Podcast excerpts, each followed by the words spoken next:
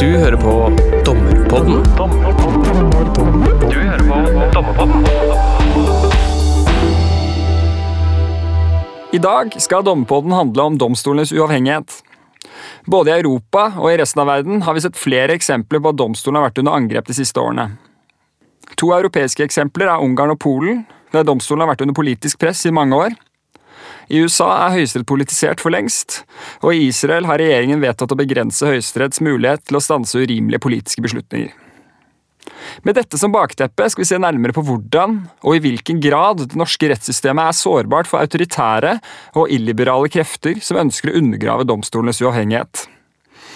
Og For å diskutere dette temaet har vi fått storfint besøk av Ragna Aarli. Ragna er professor ved Det juridiske fakultet i Bergen. Hun har bl.a. vært medlem av Domstolskommisjonen og Ytringsfrihetskommisjonen. Forskningsinteressen hennes ligger i skjæringspunktet mellom statsrett, menneskerettigheter og prosessrett, og i denne forbindelse har hun arbeidet mye med domstolene og deres samfunnsfunksjon.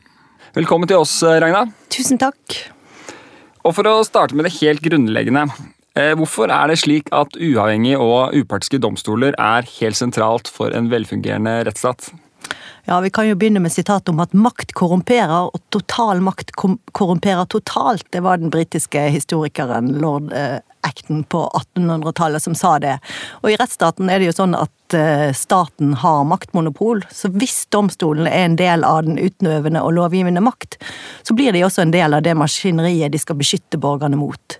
Montesquieu sin løsning på 1700-tallet var jo da at eh, rettsstaten måtte bygges med statsmakt eh, fordelt på tre uavhengige organer. En lovgivende, en utøvende og en dømmende makt.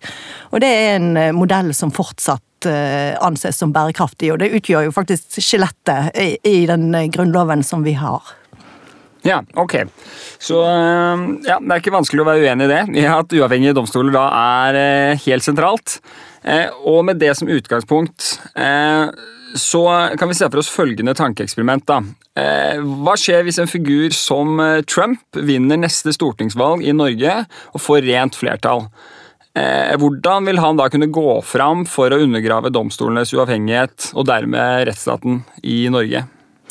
Dessverre så er det jo ikke et helt utenkelig scenario, sånn som politikken utvikler seg eh, også i Norge med uforutsigbare konstellasjoner og sånn. Men og statsminister Trump han kunne i hvert fall ha rasert det norske domstolssystemet på ganske kort tid. Eh, for eh, særlig fordi at kapittelet om den dømmende makt i Grunnloven er ganske stusslig.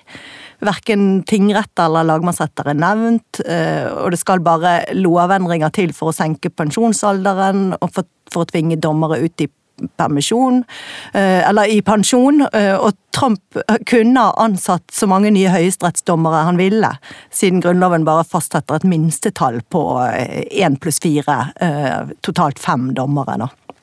All right. Eh, så eh, hvis vi går litt sånn strukturerte strukturert til verks, hvordan, hvordan, ville, hvordan kunne man gått fram da, for å undergrave uavhengigheten til norske domstoler hvis man har ren stortingsflertall?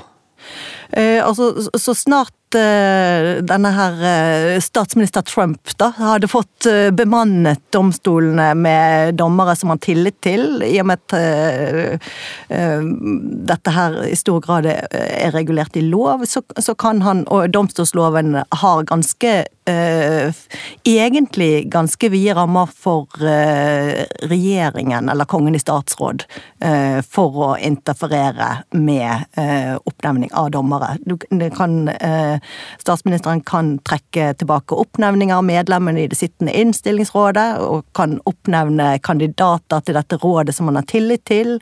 Og hvis dette innstillingsrådet som eh, avgir innstilling eh, til eh, dommerembeter skulle trå feil, så er det også hjemmel i domstolsloven til at kongen kan utnevne en søker som ikke er innstilt, dvs. Si gå utenfor listen. Ja. Det er jo ikke praksis, god praksis å gjøre det. Og eh, i dag vil jeg si at det ikke er lov å gjøre det. Men uh, i loven, så uh, lovens ordlyd, sier at det er en mulighet. Og har du rent flertall i parlamentet, så er det vanskelig å møte den, den nye statsministeren med de praksisbaserte løsningene. Ja, ok. Og så kunne jo også, altså En ting som også er viktig, som, som Trump kunne ha gjort, uh, det er at han kunne avskaffet den uavhengige domstolsadministrasjonen. Uh, for den er ikke forankret i Grunnloven. Uh, han kunne lagt domstolene tilbake igjen under Justisdepartementet. Og ta kontroll over IT-utviklingen, som er veldig viktig for hvordan domstolene skal se ut fremover. Ja, nemlig. Ok. Eh, også, eh, men for å bare ta Hvis vi starter med dette med For jeg tenker at hvis man får ansatt eh, lojale dommere da, til regimet, så, så, vil man jo ikke nødvendigvis ha en uavhengig domstol Eller da vil man jo ikke ha en uavhengig domstol lenger, og da vil maktfordelingsprinsippet egentlig eh, ikke være gjeldende, da. Mm. Eh, men hvordan er, det, hvordan er det man går fram i dag for å ansette dommere? Ja, altså kanskje, kanskje eh, bare minne om at det fins At vårt system skiller seg litt fra det som er hovedsystemet ellers i Europa, der man har en litt sånn byråkratisk modell der dommer Det å bli dommer, det er liksom et karrierevalg eh, for relativt nyutdannede jurister. Eh, og det er et karriereløp Eh, fra lavere til høyere domstoler, gjerne. Men hos oss så bygger vi på det som er liksom en sånn, mer sånn profesjonell modell, eh, der vi ønsker oss dommere med ulike typer erfaringer fra det praktiske rettsliv. Eh, sånn at det står også i domstolsloven at man ønsker at dommere til Høyesterett og til lagmannsretten og tingrettene bør rekrutteres blant jurister med forskjellig yrkesbakgrunn. Eh, og utover det så stiller loven da krav om at være, den som ansettes som dommer, skal tilfredsstille høye krav til faglige og personlige kvalifikasjoner. Eh, og da er det, en, det er jo en åpen utlysning da på hele juristmarkedet når, når vi rekrutterer dommere til domstolen. Og så er det et innstillingsråd på sju personer eh, som behandler søknadene og lager en innstilling som går til kongen i statsråd. Eh, og hvem er det innstillingsrådet består av? Ja, I dag så består det av sju medlemmer, og der eh, tre, altså et mindretall, eh, er dommere. Og så er det to medlemmer som ikke er jurister, og så er det en advokat, og så er det en eh, jurist eh, fra det offentlige. Ja, ok. Og det er jo da, ikke sant, I praksis er det jo de som da bestemmer hvem som blir uh, dommere, ettersom innstillingen deres alltid blir fulgt. I praksis er det det, men, men det som eh, kanskje er litt eh, som, altså, Dette innstillingsrådet ble etablert i 2002 etter den forrige domstolskommisjonens utredning. og poenget var nettopp å sikre eh, domstolene en mer uavhengig stilling fra Justisdepartementet. Men det står altså ikke noe sted i loven at dette innstillingsrådet skal være uavhengig. og Tvert imot så er det i, i domstolsloven gitt Eh, eh, kongen, da, eller regjeringen, eh, fullmakt til å gi nærmere forskrifter om behandlingen av innstillingssaker. Så det, det er en slags litt sånn tvetydighet i regelverket i dag, da, om, når det gjelder uavhengigheten til dette innstillingsrådet. Men den, den praktiske, altså sånn, sånn som regelverket forstås i dag, og i hvert fall sånn som det forstås blant dommerne, mm. er at man skal ikke tukle med den innstillingen som innstillingsrådet kommer med. Nei, ikke sant. Men så kunne man jo tenkt seg at eh, det mest usmidige en litt autoritær leder ville gjort, ville kanskje vært å fjerne hele innstillingsrådet og bare begynt å innsette egne dommere. Eh, men det hadde jo ikke vært så elegant. Så det ville kanskje vært mer elegant å få satt inn lojale medlemmer i innstillingsrådet. Det, og, og, altså, det kan jo uh, innstilling Altså, det, det kan uh, kongen i statsråd, eller regjeringen, da, uh, kan Det er de som oppnevner medlemmer til innstillingsrådet i dag, også dommermedlemmene. Og det betyr jo egentlig at regjeringen har full kontroll på hvem som sitter i innstillingsrådet. Men står det noe Er det lovfestet eh, hvordan sammensetning i innstillingsrådet skal være? Ja, sammensetningen er lovfestet. Mm, men ikke hvordan, skal, hvordan, man skal plukke ut de som sitter der? Nei, det er Der står eh, eh, kongen i statsråd fritt. Mm, Eller, ja. Og så er det også da sånn at eh, det står heller ikke noe sted at eh, regjeringen Eller hva er ordningen for å ikke følge innstillingen til innstillingsrådet etter loven? Altså, eh, etter loven eh, så, så kan Altså Da kan Kongen i statsråd både endre rekkefølgen på de tre kandidatene som skal innstilles, og så kan man også gå utenfor kretsen av de innstilte. Eh, så, så, man åpner for en ganske stor frihet for eh, regjeringen til å eh, på en måte velge de dommerne som skal komme inn i domstolene i dag. Og det er jo særlig viktig når det gjelder høyesterettsdommere. Ja. Selvfølgelig, ikke sant. Men så er det jo Jeg har skjønt at høyesterettsjustitiarius står i en litt sånn særposisjon der også. For der er det enda mer begrenset med på en måte praksis eller regelverk for hvordan utnevnelsen skal skje? Ja, der er det egentlig ingen eh, regler, faste regler i dag. Eh, sånn at eh, det som domstolskommisjonen så på, var at det finnes ulike løsninger for dette i andre land, og f.eks. Danmark og Island, der har de en ordning med at det er dommerkollegiet selv som utnevner justitiarius. Eh, det så vi, vurderte vi som en litt uheldig løsning, fordi at det binder eh, oppnevningen av eh, justitiarius til de dommerne som allerede finnes mm. i domstolen. Og i hvert fall sånn i ettertidens lys, så tror jeg det er ingen som er misfornøyd med, den, med at Karsten Smith kom inn utenfra eh, som en eh, ny kraft som justitiarius eh, for Høyesterett. Så vi ønsket å holde åpen den muligheten til å rekruttere eksterne kandidater også til justitiariusembetet.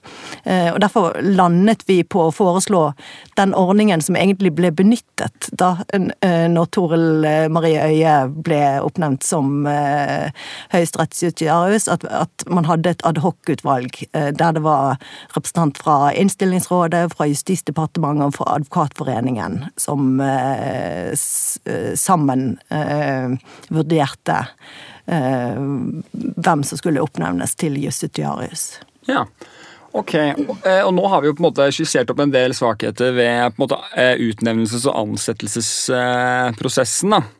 Eh, så hva eh, burde man gjøre for å skape et større og bedre vern for, eh, i forbindelse med ansettelsesprosessen, så man sørger for å ivareta dommerne og domstolenes uavhengighet?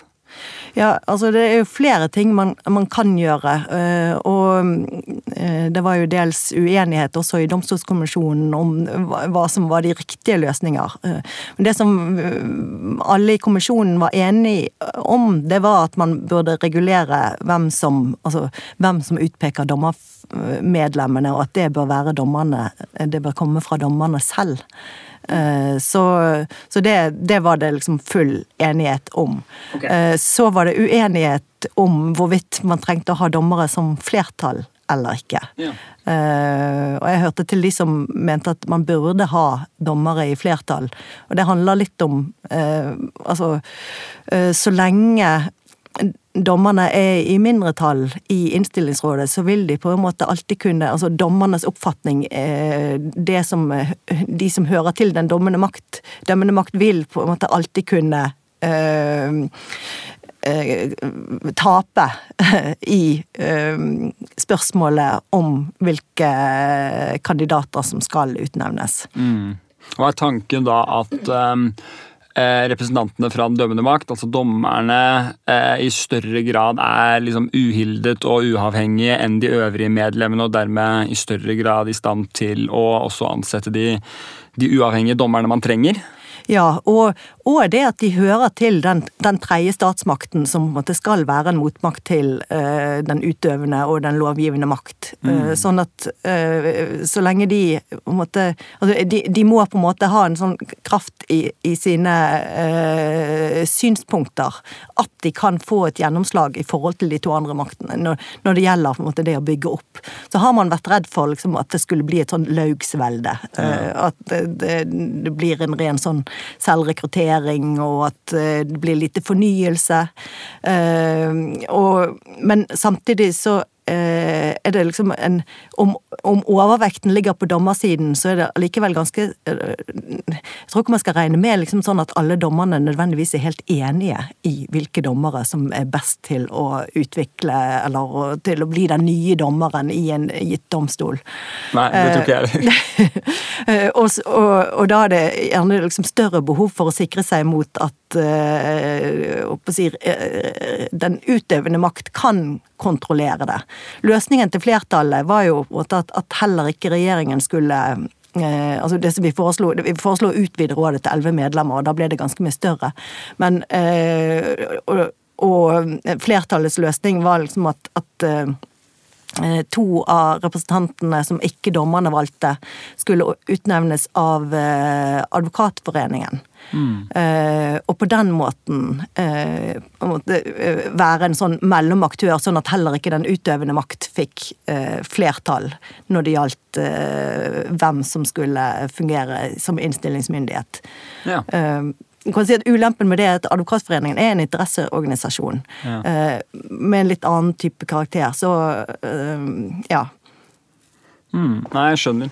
Um, ja, det er jo ulike hensyn, og så er det jo hensynet til uh, altså det, demokratisk legitimitet òg, altså vil jeg tro, i ja.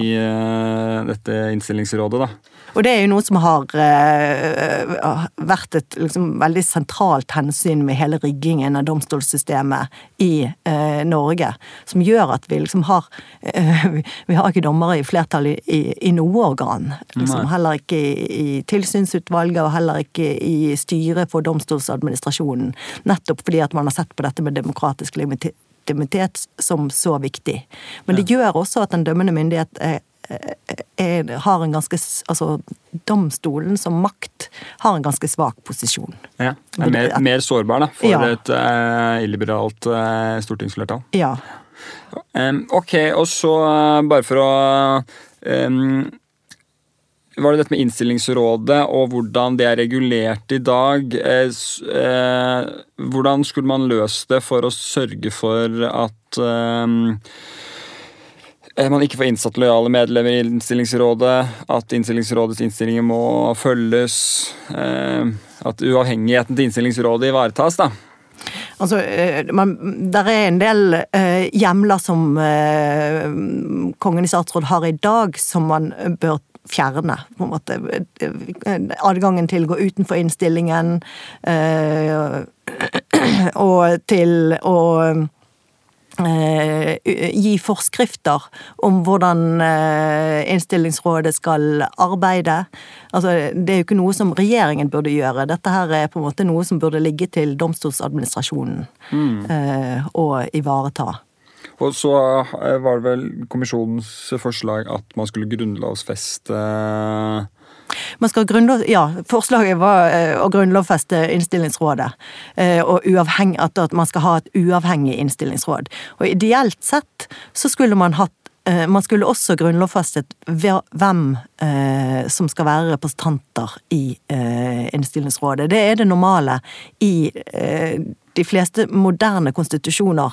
De lovfester hvem som utnevner Uh, altså grunnlovfester? Grunnlovfester. Ja. Uh, hvem som uh, oppnevner, eller utnevner, innstiller til dommerembeter. Ja. Men problemet i, i kommisjonen var jo at vi ikke ble enige på det punktet. Så vi hadde på en måte ikke en, en løsning som eh, var optimal, og som alle var trygge på at dette her bør stå i Grunnloven. Og det må du nesten ha mm. hvis du skal eh, foreslå en grunnlovsbestemmelse. Ja, selvfølgelig. Men samtidig, da, sant, hvis man hadde fått en et eller annen form for uavhengig bestemmelse i Grunnloven, så ville det vært mye seire for et stortingsflertall å endre ja. den eh, på et knips. Da må du i hvert fall vente til, til neste storting. Mm. Uh, All right. Og så uh, er det jo flere ting man kan gjøre da, når man da først sitter i posisjon og har stortingsflertall. Hva, er neste, hva er det neste du ville gjort som en autoritær leder, Ragna? Ja, altså det er jo dette her med at uh, man Altså det er ikke noen pensjonsalder som er regulert uh, noe sted uh, i Grunnloven. Dommerne følger statsansattelovens regler, mm. der Altså aldersgrensen er 70 år i dag, men, men Eh, det å senke pensjonsalderen, det er jo et grep som har vært benyttet eh, i mange land når man har villet skaffe seg kontroll. Ja, det er en klassiker mm. for å skaffe seg kontroll over domstolene. Ja. Så, så vi, vi, foreslo i kommisjonen å grunnlovfeste pensjonsalderen på 70 år. Uh, og, og, Diskusjonen vår i kommisjonen da gikk jo egentlig på om altså, burde, burde man gå på en høyere aldersgrense. Mm. Fordi at uh, utviklingen ellers i samfunnet er jo at uh, folk må stå i jobb lenger hvis vi skal si, holde, holde, liv i befolkningen. Mm. Men vi har landet heldigvis på 70, da, mener jeg. da. For I USA så har man nettopp gjort noen, noen sånn tekstanalyser av dommer Eh, fra dommere som eh, over og under 70 år. Okay. Eh, de samme dommerne, på en måte, og sett på tekstkvalitet. Og av 15 dommere så var det bare tre dommere som ikke viste en fallende tekstkvalitet etter fylte 70 år. Det er Lee Epstein som har gjort disse uh, judicial behavior-analysene, da. Sånn at jeg tror egentlig at vi bør erkjenne at det å være dommer er en ganske mentalt krevende oppgave. Uh, og det er ikke alle forunt å beholde den mentale kapasiteten liksom hele livet ut. Nei, ikke sant. For det er jo sånn sett en slags sikkerhetsventil. Da, at Noen vil jo være veldig Skrive veldig godt uh, langt opp i åra, men ja. andre vil kanskje ha mer sånn uh, en eh, fallende kurve. Ja, mye brattere kurve. ikke sant? Ja. Ehm, så det er kanskje lurt å gjøre det på den måten. Det er jo i og for seg forstemmende å høre dette eh, når man tenker på alderen på visse statsledere og ja. den slags uh, i dag. Du kan si at altså, sånn, Når sånne forskningsfunn blir lagt frem i USA, der man har dommere over 80 år og sånn, så er det jo litt uh, mer oppsiktsvekkende enn hos oss. Mm. Så ja, Men jeg tenker at det gir i hvert fall god grunn til å Eh, ikke heve pensjonsalderen for dommere. Og så er det jo en annen ting som de har prata mye om i USA, fordi at der er jo utnevnelsen av høyesterettsdommere rimelig politisert. Eh, og der har det snakk om å, court courtpacking. Ja. Det kunne man jo tenkt seg at man gjorde i Norge også. Hva går det ut på? Eh, altså det, det, går jo eh, på det at eh, Altså, det fins ikke noe øvre tak på hvor mange dommere det skal være i Høyesterett i dag. Det, det, er et minstetall, og det betyr at eh, eh, det å etablere nye dommersembeter eh, når det gjelder Høyesterett, så er det noe som Kongen i statsråd gjør. Det er ikke Altså, Domstolsadministrasjonen vurderer hvor mange eh, dommerembeter det skal være ved de ulike tingrettene og lagmannsrettene rundt i landet, men når det gjelder Høyesterett, så det, ligger dette hos regjeringen.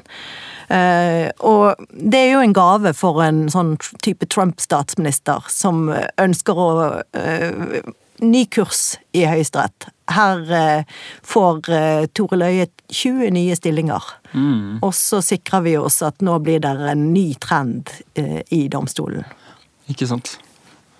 Men det Altså, det vil jo bety liksom at man får en, en, en, en annen type høyesterett hvis man utvider domstolen med veldig mange dommere. Vi hadde en diskusjon på dette her i, i eh, domstolskommisjonen, og den sittende justitiarius ønsker seg jo alltid en fleksibilitet til å hente inn en eller to nye dommere. på en at det er alltid for mange oppgaver. Eh, men eh, og, du kan si at altså, ser man rundt om i verden, så finnes det jo høyesteretter med, med uendelig mange altså Kina sin høyesterett har 400 dommere. Oi. Eh, men det betyr jo at det er en domstol som ikke kan snakke med én stemme. Eh, men de kan ta unna en masse saker. Så altså hvis eh, Men når vi har en sånn profil med en prejudikatdomstol, så er liksom tradisjonen at man forsøker å holde tallet relativt lavt, sånn at du kan være et dommerkollegium som har en eh, ikke, ikke, snakker med for mange ulike stemmer. Du, eh, sånn at når vi har 20 i dag, så ligger vi egentlig relativt høyt. Sverige har 16, Danmark har 18, Finland har 18, eh, og Island har 8. Men eh, det, hvor lenge har det vært 20, vet du det? Det er vel eh, Husker ikke helt. Eh, eh, det er en del år siden nå vi fikk den siste. Altså gikk fra 19 til 20. Ja. Men eh, Og så nevnte du et minstetall? Eh, ja, det er et minstetall på altså justitiarius pluss fire dommere. Det står i Grunnloven. Okay. Så det er et minstetall på fem. Ja, Var det, var det sånn det starta? Det startet sånn. Det startet ja. med fem? Ja. ja. Og så har man bare sakte, men sikkert funnet grunn til å øke antagelig av kapasitetshensyn. Arbeidsbyrden Ja. er jo der, på en måte, og, og um, sakene blir mer komplekse. Har det blitt færre enn og- eh, 20? Eller er var det flere enn 20 på et tidspunkt? Det har aldri vært flere enn 20. Det har stadig liksom bygget seg litt oppover. Så handler det litt om, om på en måte hvilke sånn, eh, arbeidsmiljøkrav man stiller, og hvilke rettigheter dommerne får til permisjoner, og der, eh, jeg å si, eh, sykefravær og eh, Ja. Det, er mange grunner til liksom, at, at det å fylle Altså at, at, det, at det nok sånn fra ledelsessiden kan se ut Føles som at det er et behov for flere dommere. Men med en gang man utvider staben, så skaper man en fare for at uh, måte, kollegiet blir for stort til å være et samlet kollegium. Ja, og så er det jo det at, eh, sant, sånn som du nevnte innledningsvis, at man, man kan misbruke det da, for å få inn lojale høyesterettsdommere, og dermed politisere høyesterett, eh, norsk høyesterett, som jo ikke har vært politisert eh, på den måten man har hatt det i den amerikanske høyesterett. Ja, Og så vil det undergrave tilliten også da, til høyesteretts avgjørelser. Det kan det. Og det, altså det, det bør nok absolutt sette et, et, settes et tak eh, på et øvre tak eh, for at man skal kunne sikre seg mot en sånn situasjon. Og er, la meg gjette, er løsninga å grunnlovfeste pensjonsalderen og antall dommere i Høyesterett? Ja. Ja, ikke sant. Um, all right. Um, hva, kan man gjøre, hva mer kan man gjøre? Uh, ja, uh, altså Der uh, altså, mm, eh, altså Man kan jo også uh, strupe økonomien. Det er jo kanskje liksom det mest drastiske tiltaket man kan gjøre overfor domstolene. Uh, altså men du kan si at spørsmålet er om vi ikke allerede er der. For sett i lys av brutto nasjonalprodukt i Norge, så er Norge et av de landene som investerer minst Ja. i domstoler. Det er liksom Europarådet sin eh, rapport eh, fra Commission for the Efficiency of Justice, eh, sin 20 2022-rapport, eh, som sier det. Samtidig så må vi kanskje se det litt i sammenheng altså Når vi bruker lite penger på domstolene, så henger det litt sammen med det som Eivind Smith har pekt på i en antologi i fjor som, som, som med tittelen 'Våre perifere domstoler'. At, på en måte at eh, ja, kun én av ti saker eh, for domstolene i Norge dreier seg noe annet om enn straff eh, eller barn, og de fleste konflikter løses utenfor domstolene. Så kan man jo spørre om ja, hva, hva er liksom høna eller egget eh, i en sånn eh, Altså, får domstolene liten finansiering fordi de er blitt perifere, eller har de blitt perifere fordi det er eneste løsningen Det er det man man har på et så lavt budsjett? Ja. Ja, Det minner meg på jeg hørte her om dagen, at liksom, det er jo liksom litt merkelig hvordan det alltid er ca. 100 prinsipielle saker i Høyesterett i året. Det er Ja. alltid 100 saker som er prinsipielle. Ja. Aldri mer eller mindre. på en måte. Og Det sier også noe om at kapasitet påvirker jo hvor mange saker som kommer opp til behandling. da. Det gjør det. Det gjør det. Eh, og da, altså, jeg tenker liksom at eh, eh, Spørsmålet er vel egentlig vil vi ha så perifere domstoler som vi har fått. Eh, og jeg håper jo egentlig at svaret skal være noe annet. At, at vi vil ha, vi vil ha eh, kraftfull Vi vil ha en kraftfull maktfaktor i samfunnet som eh, er i stand til å fungere som motmakt til utøvende og lovgivende makt. Mm. men det vil kreve ganske mye ressurser.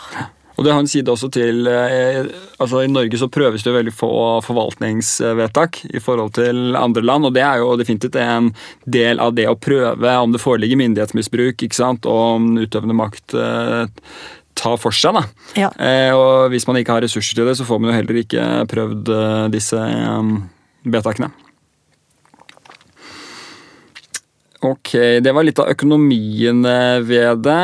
Eh, Ja, med økonomien så henger jo også altså En, en, en vesentlig del av økonomien han, uh, handler jo om dommernes lønn, da. Ja. Uh, og det er jo noe av utfordringen med Altså at uh, Ja.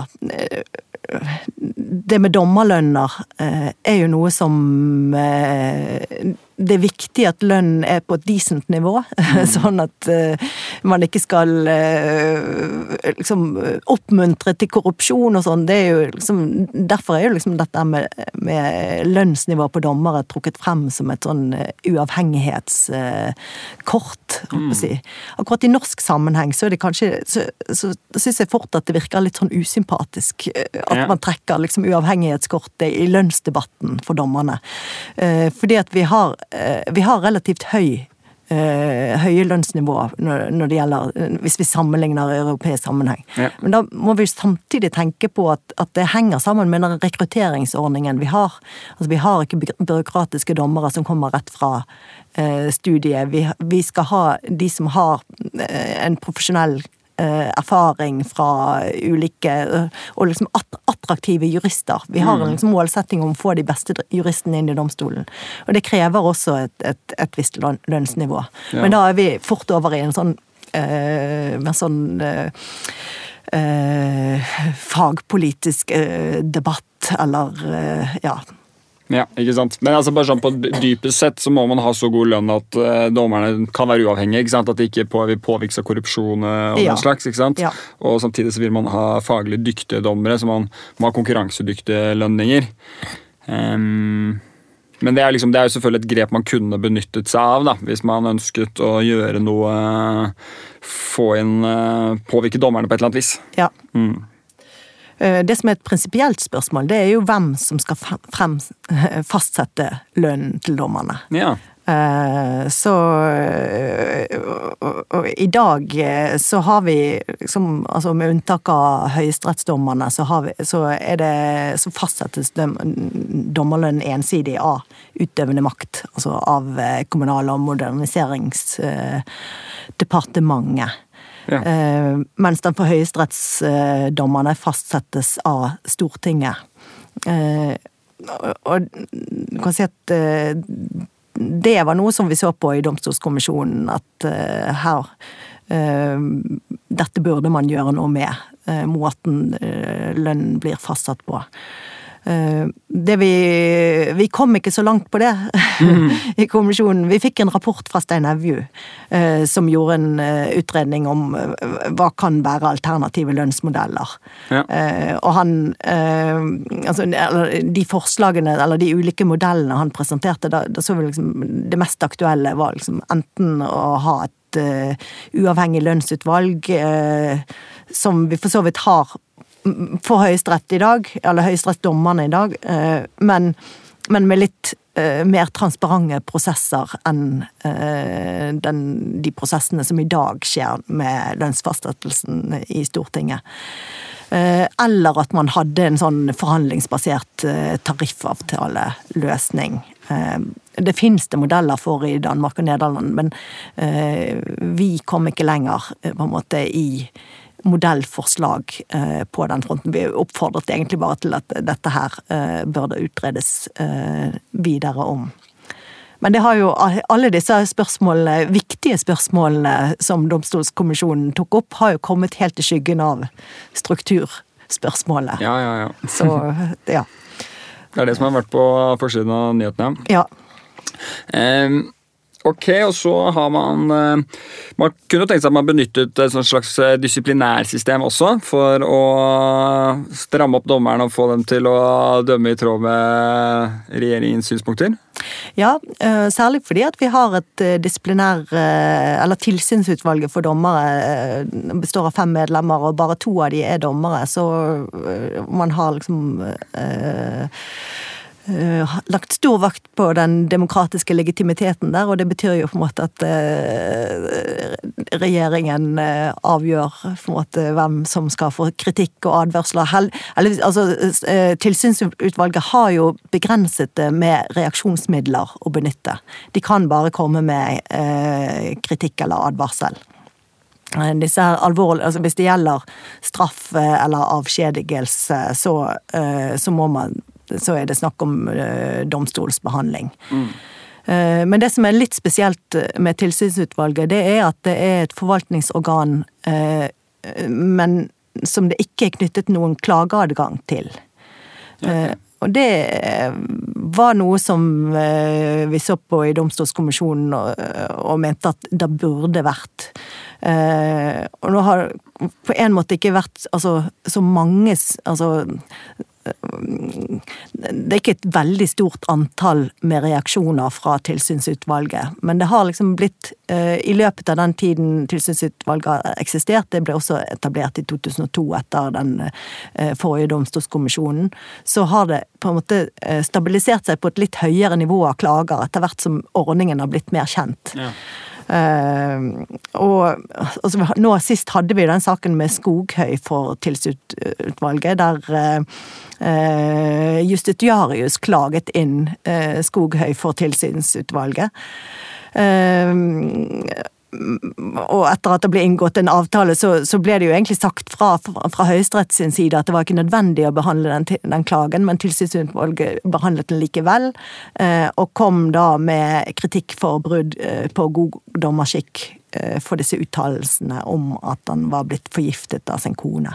Eh, og jeg tenker liksom sånn at når, når plutselig disse sakene blir så store og får så mye, oppmer, eh, så mye medieoppmerksomhet, så er det kanskje en, en, grunn til å ha et eget klageorgan eh, som eh, Altså eh, en, Når man ser at det, det kan være så, såpass alvorlige saker eh, der pressen i noen grad tok kontroll over hva som var, eh, offentligheten ble kjent med.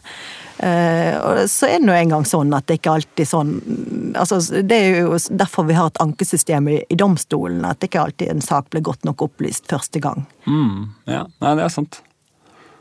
Mm, ok, og så har vi jo en ordning som ligger eh, ikke bare mitt hjerte, men også med en ansettelse nært. Domfullmektigordningen. Er det kunne man eh, hva, hva kan vi si om den?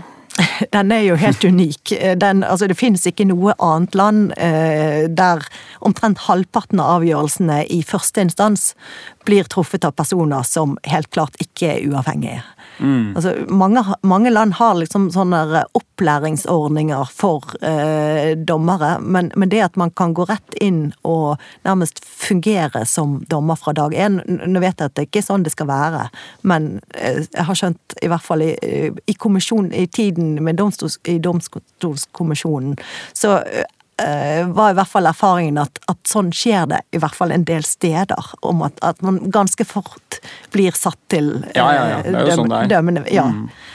Uh, så uh, Og hvorfor er ikke dommerfullmektigen uavhengig, da? Altså, den, uh, altså, Problemet gjelder jo særlig den interne uavhengigheten. Altså, for du dømmer jo ikke som fullmektig for prinsipalen din som da er, er dommeren eh, i domstolen. Så Eller fra domstolsleder. Uh, og, og, egentlig domstolsleder kan når som helst trekke tilbake. Domstolsleder kan styre hvilke saker du får, uh, og uh, på en måte Altså, du, du får også en sånn Ja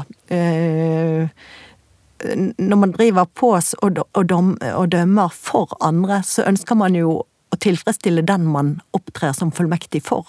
Så da blir det et eget uh, insentiv i arbeidsvirksomheten som ikke skulle uh, burde påvirke den avgjørelsen du treffer. Mm. Ja, det kan jo kanskje så fremstå uheldig utad uh, også.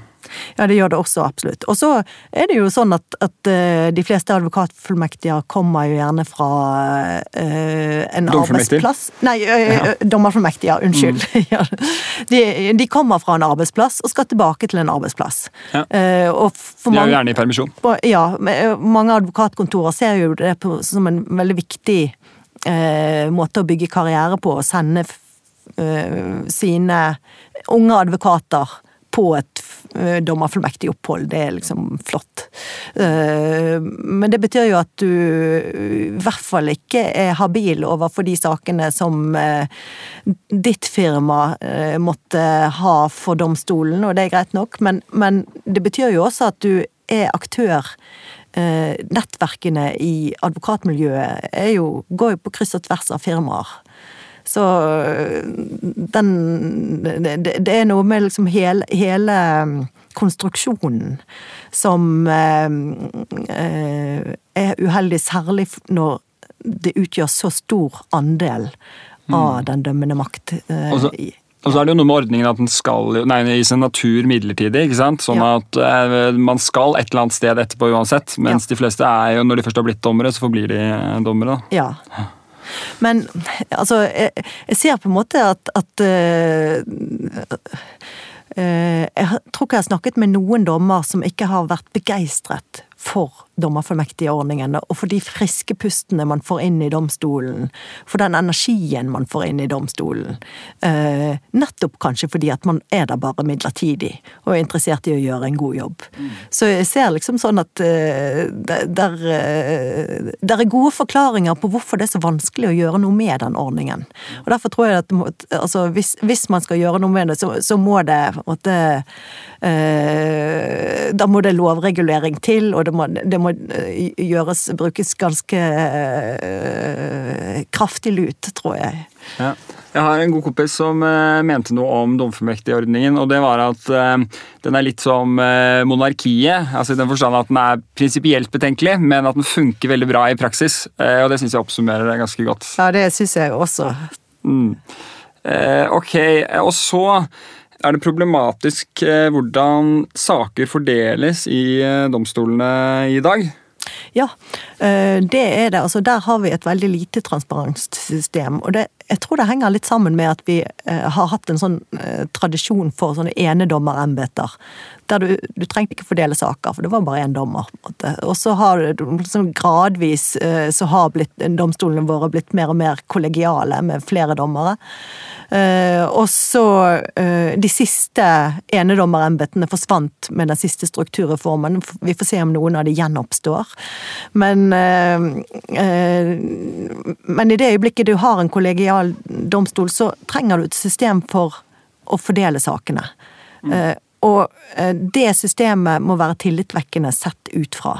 Så det er på en måte en veldig viktig internasjonal retningslinjer for at både ved liksom saksfordeling og ved dommerbytte, eh, så må det ikke fremstå for eh, partene eller for folk eh, utenfor domstolen som om her kan det være partiskhet som begrunner bytte eller eh, fordelingen, eh, eller eh, press utenfra, sånn at ikke dette her er uavhengig. Så det er et viktig sånn uavhengighetstema.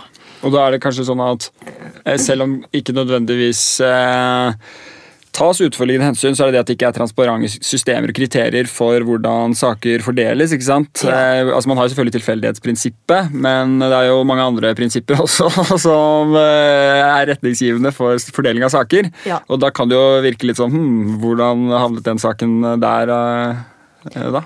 Og vi hadde veldig store problemer med å kartlegge hva som egentlig hvor, Når tilfeldighetsprinsippet gjaldt, hvilke domstoler det gjaldt, og hva det egentlig innebar, dette tilfeldighetsprinsippet. Så ja. Vi kom vel egentlig til i kommisjonen at det så ut som det tilfeldighetsprinsippet ble forstått ganske tilfeldig. Ja, det kan du ha rett i. Det kan være at det er en avhandling der. Jeg finner Ja. hva som også ligger i det. Eh, All right, og så um, helt til slutt, da. Um, Hva er de tre viktigste tiltakene uh, for å forhindre erosjon av domstolenes uavhengighet? Det aller viktigste vil jeg si, er å styrke finansieringen.